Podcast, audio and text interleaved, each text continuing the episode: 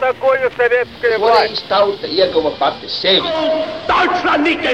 Liktenīgas nejaušības un slēptas likumsakarības, subjektīvas patiesības un objektīvi aizspriedumi. Pēc atkušņa nekad nenāk uzreiz pavasars, bet sākās Arī šodien cilvēki ir ļoti tuvredzīgi. Viņi redz to naudu, kas ir televīzijā, jau pamatā notiek cīņa par varu. Pagātne no šodienas skatu punkta un šodienas caur pagātnes prizmu. Raidījumā šīs dienas acīm. Katru svētdienu Latvijas radio eterā Eduards Liniņš. Labdien, cienījamie klausītāji!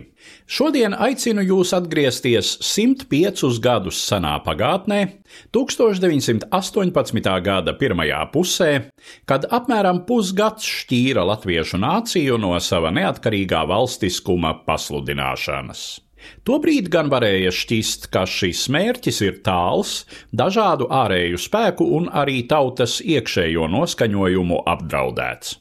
Latviešu nācijas pašnoteikšanās tiesības 1917. gada decembra sākumā bija deklarējusi Latviešu pagaidu Nacionālā padome, sanākot savā pirmajā sesijā valkā.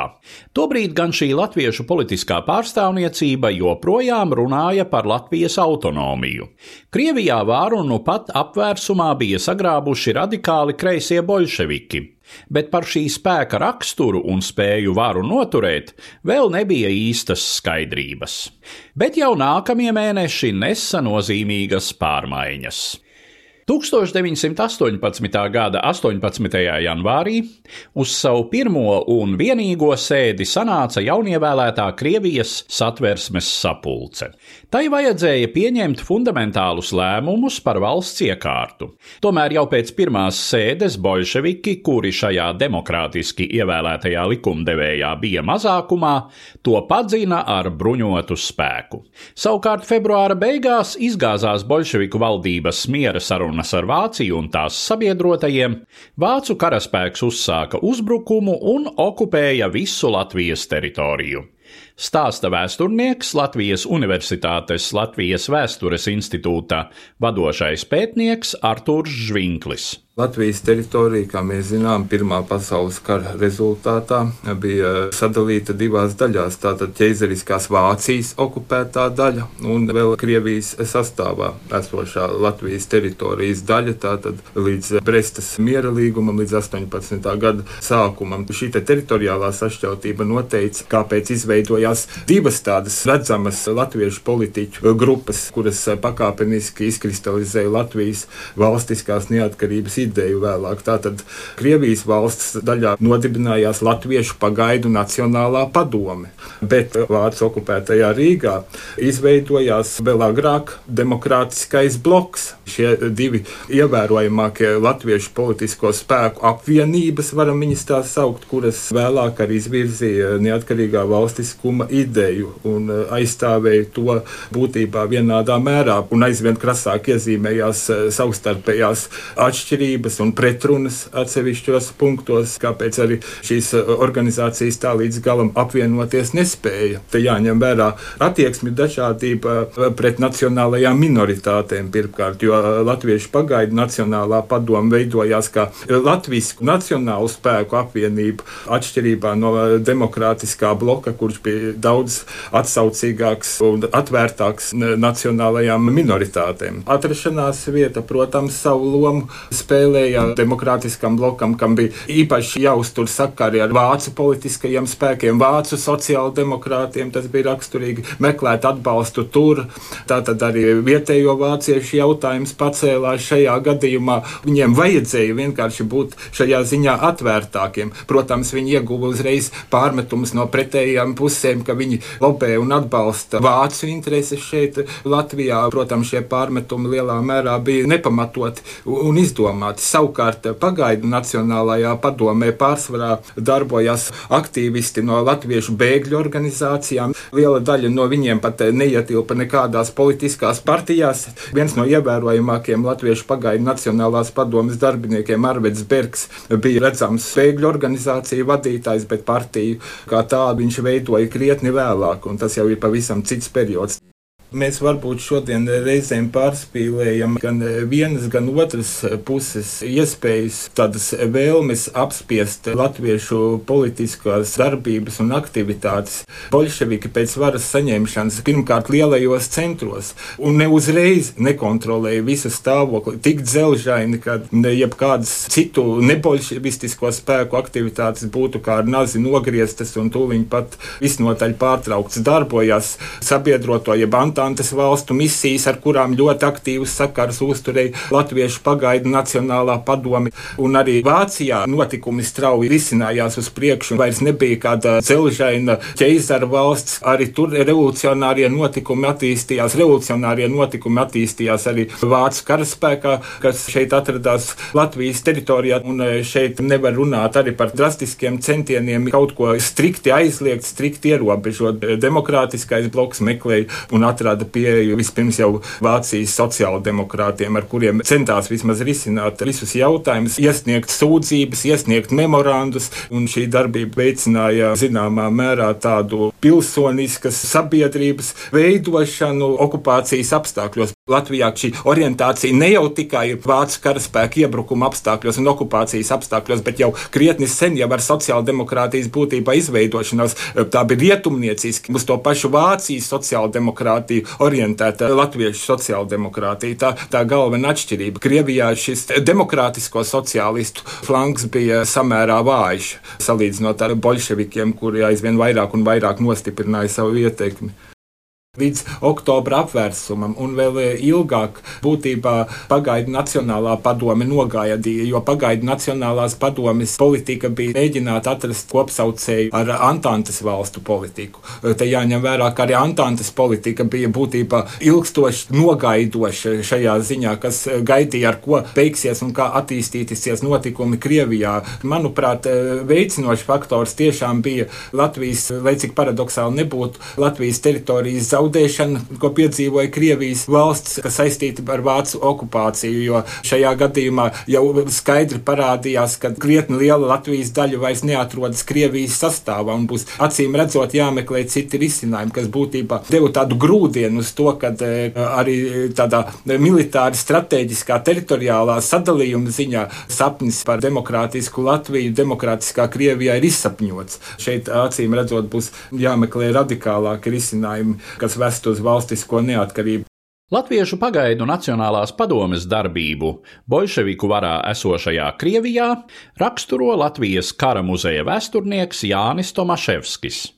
Ir droši vien tāda robežšķirtne, par ko mēs varam runāt pirms Krievijas satversmes sapulces un pēc Krievijas satversmes sapulces.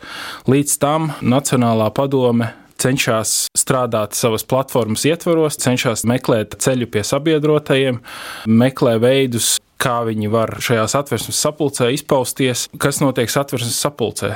Tā sanāk 1918. gada sākumā, un uh, tai notiek tikai viena sēde. Nākamā dienā, tas ir 6. janvāris, šī sapulce tiek atlaista, un Krievija faktiski ir demokrātiska vienu dienu. Jāsaka, ka tas ir tāds liels pagrieziena punkts arī Nacionālās padomes locekļiem, kuri saprot, ka lielinieku, kuri tajā brīdī ir pie varas, interesēs nav demokrātiska Krievija. Mēs varam paskatīties, kāda bija satversmes sapulces vēlēšana rezultāti. Tur lielinieki ieguva tikai 23% balsu. Tātad viņiem šajā satversmes sapulcē nav vairākums. Viņi nevar diktēt savus noteikumus. Tas viņus acīm redzami neapmierina. Un tā kā viņiem tajā brīdī ir faktiskā vara valstī, tad viņi uzskata, ka jāizbeidz tas demokrātiskais teātris, ko viņi centās līdz tam spēlēt, un vienkārši jāņem tā vara rokās līdz galam. Un šajā brīdī arī Nacionālā padome, kurai pirms tam bija cerības, ka Krievijas Federatīvā republika varētu dot latviešiem politisku autonomiju, izplēna Nacionālās padomes locekļi savā otrajā sesijā jau ļoti pārliecinoši spēr soli pilnīgas patstāvības virzienā, jo viņi vienkārši neredz vairs cita ceļa, kuru iet. Krievijas satversmes sapulces šī vienīgā sēde, starp citu, ir iezīmīga arī ar vēl vienu latviešu nācijas pašnoteikšanās procesam būtisku momentu, kā satversmes sapulces deputāts un uh, Latviešu pagaidu Nacionālās padomas dalībnieks Jānis Goldmanis uzstājoties deklarē, ka Latvijas jautājums nav Krievijas iekšēja, bet gan starptautiska lieta. Tā arī ir ļoti svarīga deklarācija. Bet, nu jā, kā zināms, pirmās dienas vēlā naktas stundā kāds no sardzes matrožiem paziņo, ka sardze ir nogurusi, kungi, dodieties mājās. Un nākamajā dienā satversmes sapulces deputāti atrod ēku slēgtu, un šī sapulce tiek padzīta ar brutālu militāru varu. Mēs zinām, ka jau no paša sākuma Latviešu pagaidu Nacionālās padomes attiecības ar bolševiku vāru, kura padomes sanākšanas brīdī valkā ir teju teju nākusi pie varas Petrogradā, un e, tā ir pie varas arī vidzemē kas faktiski tajā brīdī ir viens no bolševisma tādiem stingrākajiem atbalsta centriem tā laika Krievijā, tad e, Šīs attiecības jau no paša sākuma ir diezgan saspīlētas. Kāda situācija ir tajā brīdī, kad Latviešu pagaidu Nacionālās padomes locekļi pulcējas Petrogradā, kopš valkas pagājuši nepilni divi mēneši? Kādas tajā brīdī ir viņu attiecības ar pie varas esošajiem bolševikiem? Vidzemē tobrīd nekādu legālu iespēju darboties Nacionālajai padomē nav. Jau decembra sākumā tiek slēgti Nacionālajai padomē pietuvinātie laikraksti, līdums, laika vēstis, kas vēlāk iznāca ar citiem nosaukumiem, bet katrā ziņā līdz 17. gada beigām šie laikraksti ir slēgti. Pēc jaunā stila 1. janvārī tiek aizliegta arī Nacionālās padomjas darbība. Līdz ar to viņiem faktiski ir aizvērti visi rupori, caur kuriem viņi var uzrunāt sabiedrību gan vidzemē, gan arī eh, plašajā Krievijā. Te ir zīmīgi Kristapa Bahmaņa piezīmēs rakstītie apraksti, kā viņš redz valku, kad viņš ierodas 18. gada pašā sākumā uz valdes sēdi valkā. Un viņš saka, ka tur ir tāds kara un lielniecisma juceklis, latviešu strēlnieki staigā pa staciju, krata vagonus, gandrīz vai komendanta stunda valkā ir iestājusies, ka nekādas brīvas izpausmes iespējas nav, un līdz ar to Nacionālās padomes valdē, kas darbojas valkā tajā brīdī, ir ļoti grūti izpausties, sazināties ar nodaļām, ar ārlietu nodaļu, kas darbojas Petrogradā. Lai arī, protams, mēs nevaram teikt, ka tā bija absolūta stingra kontrole, protams, joprojām darbojās pasts joprojām darbojās arī satiksme, bet var teikt, ka tās iespējas Nacionālās padomjas darbību realizēt bija arvien mazākas. Tas arī bija faktiski galvenais iemesls, kādēļ uh, otrā sesija notika Petrogradā. Galu galā Petrogradā joprojām strādāja lielākā daļa no Nacionālās padomas galvenajiem darbiniekiem. Ārlietu nodaļa, kas bija galvenā, darbojās Petrogradā. Viņa centās panākt audiences pie ārvalstu diplomātiem, teikt latviešu prasības un tam līdzīgi. Protams, Petrograda kā tāda liela pilsēta, kurā tiešām gan telpas varēja atrast, gan arī ievērot kaut vai piesardzīgi, bet konspirāciju organizāciju, kur noturēt šīs sēdes. Protams, nebija tik viegli atrast šīs telpas, bet, teiksim, 18. gada sākums tomēr bija pietiekami brīvs tādā izpausmē, kur sanākt konfidenciāli un runāt par latviešiem svarīgajām lietām. Ir zināms no ārlietu nodaļas protokoliem, ka, piemēram, Jānis Goldmanis bija izsaukts, pratināts, bija vēl vairāk, kas tika pratināti. Par laimi pie viņiem neatrada nekādus svarīgus dokumentus. Ja mēs pievēršamies otrai sesijai, kas notika Petrogradā 1918. gada janvāra beigās, tad šī deklarācija pauda to, ka Latvijai jābūt neatkarīgai demokrātiskai republikai. Kā jau var redzēt no šī teikuma, tā ir vēlējuma izteikta, tā nav faktiska neatkarība, jo galu galā kuram tad pieder vara.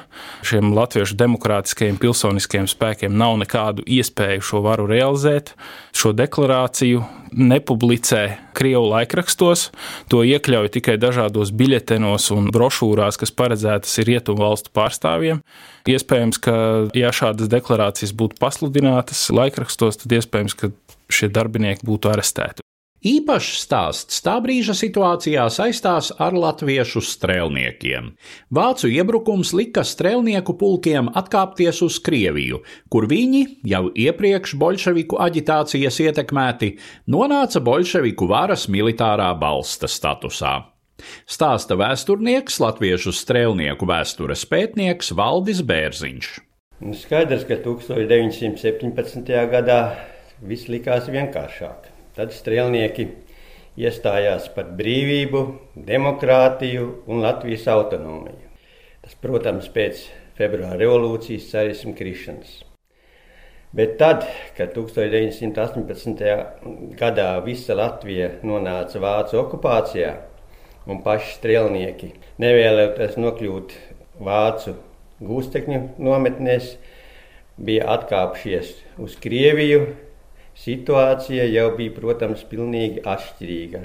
Un arī attieksme katrā ziņā, gribot, negribot, pret Latviju nācās mainīt. Jāsaka, ka šī attieksme bija dažāda. Dažāda tā bija strēlniekiem, atšķirīga, protams, no strēlnieku nostājas daudziem virsniekiem. Kaut gan daļa virsnieku tuvinājās strēlniekiem, daļa pilnīgi atgāja no viņiem. Daži pat izstājās no strēlnieku pulkiem, aizgāja prom, jo nevēlējās kalpot sarkanajā armijā. Un reizē ar to situācija bija pietiekoši neskaidra, ne tikai sarežģīta. Jā, no latviešu strēlnieki saprata, ka vieni viņi arī paši ar vācu karaspēku galā nekādā gadījumā netiktu. Un viņu cerības tātad bija uz to, ka beigsies karš, ka situācija mainīsies, ka aiz viņu muguras būs Krievija, un ka tad izdosies tādā veidā katrā ziņā vismaz panākot autonomiju, izšķirt Latvijas likteni. Nu, skaidrs, ka bolševiki, jeb lielinieki, kā to latvieši sauca, nebūtu nedomāja atklāt visus savus nodomus, kā saka arī trumpjus, tādā situācijā, kad viņu vara Krievijā, kā saka, bija uz tik vājām māla kājām, ka jebkuru katru brīdi varēja kaut kas notikt un daudz kas mainīties. Un tādēļ viņiem arī bija izdevīgi balstīties uz jebkuru organizētu militāru spēku. Un tāds spēks izrādījās tie paši strēlnieki, kuri nu bija noticējuši Ļeņina solījumiem par to, ka visām Krievijas tautām turpmāk būs gluži cita dzīve. Kādu brīdi tas arī likās pilnīgi iespējams, ja vien tam ir garantēts zināms militārs atbalsts. Diemžēl strēlnieki, kā saka, uz šī āķa bija uzķērušies, un notikumi turpmākā gaitā līdz pat tam brīdim, kad viņi vēlāk paši pārliecinās, ko tas viss nozīmē, ilgi izpildīja padomi varas rīkojumus. Un tāpat laikā, protams, jāņem vērā tas, ka latviešu lielinieki, kā toreiz sauc komunistus, bija izvērsuši ļoti aktīvu darbību strēlnieku pulkos. Jo strēlnieku vidū iesūtītie lielinieku aģitatoriem būtībā nebija nekādas lielas piekrišanas, toties no viņu pašu vidus nākušajiem. Tajos strēlnieki ieklausījās, un katrā ziņā viņi arī daudz ko mācīja pierādīt politisko notikumu skaidrojumos. Un šādā situācijā, protams, strēlnieki, kuri bija vienkārši lauku puiši galvenokārt, pilsētas strādnieki un neorientējās politiskajās finēsēs katrā ziņā bija pateicīgs materiāls tādiem daudz maz politisko ābeci apgūšiem nu, viņu līdzbiedriem, komunistiem. Ja runājam par pilsoniskajām partijām, par tādām kā radikāli demokrātiem, kā demokrātiem un arī pārējām, tad viņi katrā ziņā attiedzās pārāk vēlu strēlnieki jau bija, kā saka, zaudēti. Nu, kas attiecas uz sociāldemokrātiem, maziniekiem, vēlākiem, tad viņiem vienkārši neizdevās pārspēt lielinieku aģitātorus. Un viņi arī pietiekoši neparūpējās par to, lai strēlnieku vidū aktīvi darbotos. 1918. gada pirmā puse iezīmēja arī galīgo šķelšanos latviešu politiskā spektra kreisajā flangā, radikālākajai daļai latviešu sociāldemokrātu kļūstot par Krievijas bolševiku partijas daļu, savukārt mērenākajiem, tradicionāli latviešu sociāldemokrātijā pastāvējušās rietumu orientācijas kopējiem, nosvaroties neatkarīgas un demokrātiskas Latvijas idejas virzienā. Turpina Artūrs Žvinklis. Manuprāt, būtu jāatgriežas pie 1917. gada notikumiem pēc februāra revolūcijas Rīgā konkrēti. Jāatzīmē īpaši datums 1917. gada 30. jūlijas, kad Rīgas pilī notiek Latviešu politisko un sabiedrisko organizāciju apspriede kurā vadošā loma ir Rīgas strādnieku deputātu padomes pārstāvjiem, tieši Friča Mendera un Kristapa Elijasa personā, kuru sniegtais autonomijas projekts ir šīs apspriedes pieņemto lēmumu pamatā. Tātad jautājums par Latvijas autonomiju vēl nepilnīgu neatkarību. Vēl šīs idejas par eh, brīvu Latviju, brīvā Krievijā bija pilnā spēkā, bet tieši sociāldemokrāti bija eh, tie, kas izvirzīja šo jautājumu. Tālāk, jau īstā šķelšanās sekoja 1918. gada aprīlī. Pamats bija tas, ka pirms tam Latvijas sociāldemokrāti, tas pats jau pieminētais Fricis Menders un arī Pauls Kalniņš bija aktīvi iesaistījušies demokrātiskā bloka darbā darbā Vācu okupētajā Rīgā aizvien skaidrāk izkristalizējās šīs prasības par Latvijas neatkarību. Turklāt darbība demokrātiskajā blokā nozīmē, ka šie sociāldemokrāti tur atrodas kopā kaut vai ar eh, Kārli Ulmani, jeb lielnieciskā leksikā birģeliskajiem, buržuāziskajiem spēkiem. Tika uzturēts lozungs, ka tikai kopā ar eh, Krievijas bolševikiem, eh, protams, pēc oktobra apvērsuma tas jau kļuva par aksiomu un neapšaubāmu dogmu, kad latviešu liela lielnieciskai sociāldemokrātijai LSD jāiet kopā tikai ar Ļeņinu, jāiet kopā tikai ar bolševikiem. Tas arī izsauca šo pilnīgo nošķiršanos, un 1918.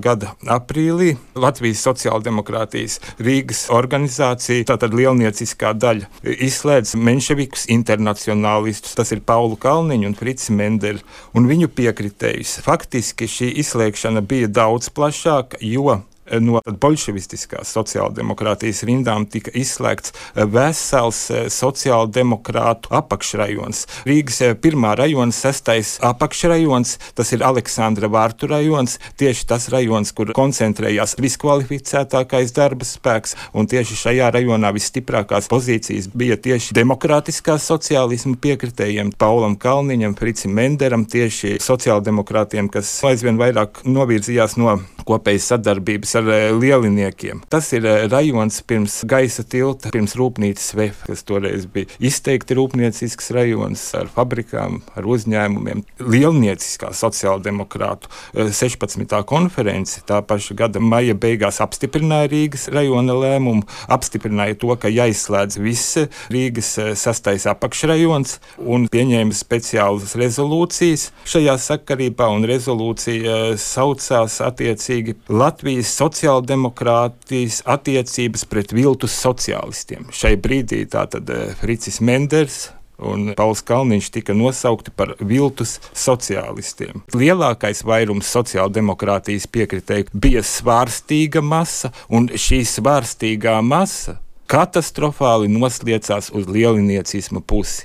Lieliniekos šajā brīdī saskatīja vienīgo konsekvento spēku, kas lūk spēs Latviju atbrīvot no okupācijas varas, kas spēs pilnīgi un galīgi patriekt vācu baronus, atņemt viņiem visas privilēģijas, zemniecība loloja šīs cerības uz zemi, ko arī dos tikai lielinieki, cerības uz mieru, ko arī lūk varēšot atnest tikai lielinieki. Tātad lieliniecisms pār pārņēma faktiski visu sociāli nemantīgo tautas daļu sociāldemokrātiskās pozīcijas palika tik lielā mazākumā, ka 1918. gada beigās paši sociāldemokrāti bija spiesti lavierēt, izrādīt zināmus politiskus reverantus lielinieciskai masai. Te gan jāpiebilst, ka, eh, lai izārstētos no lieliniecisma, pietika ar dažiem Stučkas valdības mēnešiem.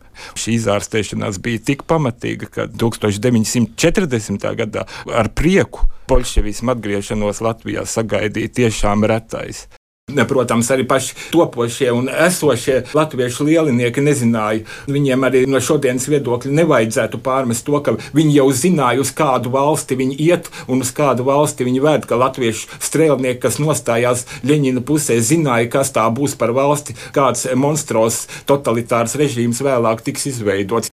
Par galveno pretsvaru kreisajam virzienam latviešu politikā kļuva 1917. gada maijā dibinātā Latviešu zemnieku savienība. Par spīti nosaukumam, tas nebija tīri agrārs spēks. Kā tobrīd, tā vēlāk Zemnieku savienība raksturojama kā centriska, uz līdzsvarotu, plašākas sabiedrības interesēm atbilstošu politiku orientēta partija. Stāsta vēsturnieks Latvijas Universitātes profesors Antonijs Zunda.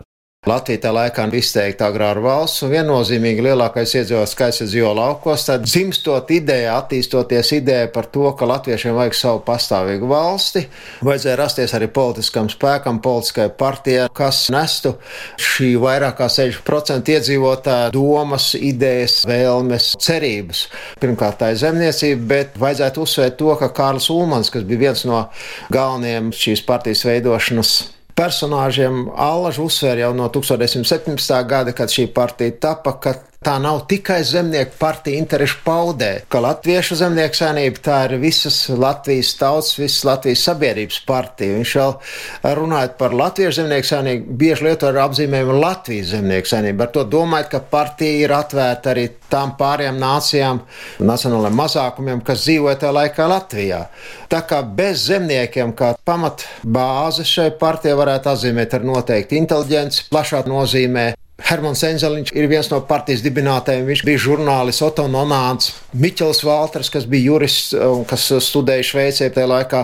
Tā kā tā nebija, kā šodien skaļi saka, zemnieka arotbiedrība. Tā bija partija ar tādiem ļoti augstiem uzstādītiem ideāliem mērķiem un plašu spektru, ar ko trāpīja varbūt Kārlis Ulmans un pārējie tajā laikā partijas vadītāji bija ideja par agrāro reformu, jo mēs zinām, ka Latvijā bija ļoti liels bezzemnieku slānis, un ja vairāk kā 6% dzīvo laukos un ir zemnieki, un ja viņi ir bez zemes, tad viennozīmīgi, lai izveidot šādu valsti, lai radītu šai valstī kaut kādu mugurkaulu, tā tad vajadzēja orientēties uz šo slānu viņa vajadzību apmierināšanu. Un šajā ziņā ideja par agrāro reformu bija, nu, es teikšu, vairāk nekā ģeniāla. 1918. gadā bija skaidrs, ka Pirmais pasaules karš beidzās, ka Vācija šajā karā cietīs sakā, un līdz ar to latviešu politiķi laikam uztaustīja šo dzīslu. Es domāju, arī no zemnieku saimnības to pašās puses, ka nav cita ceļa, nav citas alternatīvas kā pastāvīga valsts, un lai atrisinātu šo problēmu, izveidot šo pastāvīgu valsti, bez šaubām viennozīmīgi, es domāju, uz tādām Eiropas tradīcijām vajadzēja veidot politisku spēku, kas varētu uzņemties šo procesu. Jo kreisajā flangā bija jau šie sociāldemokrāti, kas jau bija piedalījušies 5. gada revolūcijā. Viņi bija bijuši ar nelegālā stāvokli, viņi bija vajāti. Zemnieku saimnība šādā ziņā laikam centās konsolidēt šo pilsonisko flangu Latvijas sabiedrībā. Un, lūk, šis pilsoniskais flangs Latvijas sabiedrībā ar tādu konservatīvu domāšanu, tādām 19. gadsimta vērtībām bija šī zemniecība. Latvijas zemnieku saimnība, kā tāda pilsoniskās pārna politiskā partija, ir ņēmusi aktīvu dalību, un es teiktu pat noteicošu dalību tajās politiskajās organizācijās, sabiedriskās organizācijās, kas veidojās un kas attīstīja šo valstiskumu ideju. Bez šaubām viennozīmīgi, kā pirmo vajadzētu nosaukt Latviešu pagaidu Nacionālo padomu, kurā ļoti aktīvs bija Zikrīts Anna Mierovs, kas nāk no zemnieku saimnības. Tātad, pateicoties viņam, tiek izstrādāta šī ārpolitiskā stratēģija, notiek cīņa par Latvijas valstiskumu atzīšanu un ar ļoti atzīstamiem panākumiem. Tālāk nākošais noteikums vajadzētu atzīmēt ar demokrātisko bloku, kurā darbojas Kārlis Ulmans un citi tā laika laika zemnieku saimnības aktīvs, kas arī bez šaubām ir šīs mūsu Latvijas valsts valstiskuma veidošanas viens no svarīgiem faktoriem. Līdz ar to izskan šodienas raidījums, kurā aplūkojām politisko situāciju Latvijā pirms 105 gadiem, 1918. gada pirmajā pusē. Raidījumā dzirdējāt vēsturnieku Valdi Bērziņu, Latvijas kara muzeja vēsturnieku Jāni Tomaševski, Latvijas Universitātes profesoru Antoniju Zundu un Latvijas Universitātes Latvijas Vēstures institūta vadošo pētnieku Artūru Žvinkli. Uz redzēšanos, cienījamie klausītāji! Katru svētdienu Latvijas radio viens par pagātni sarunājas Eduards Liniņš.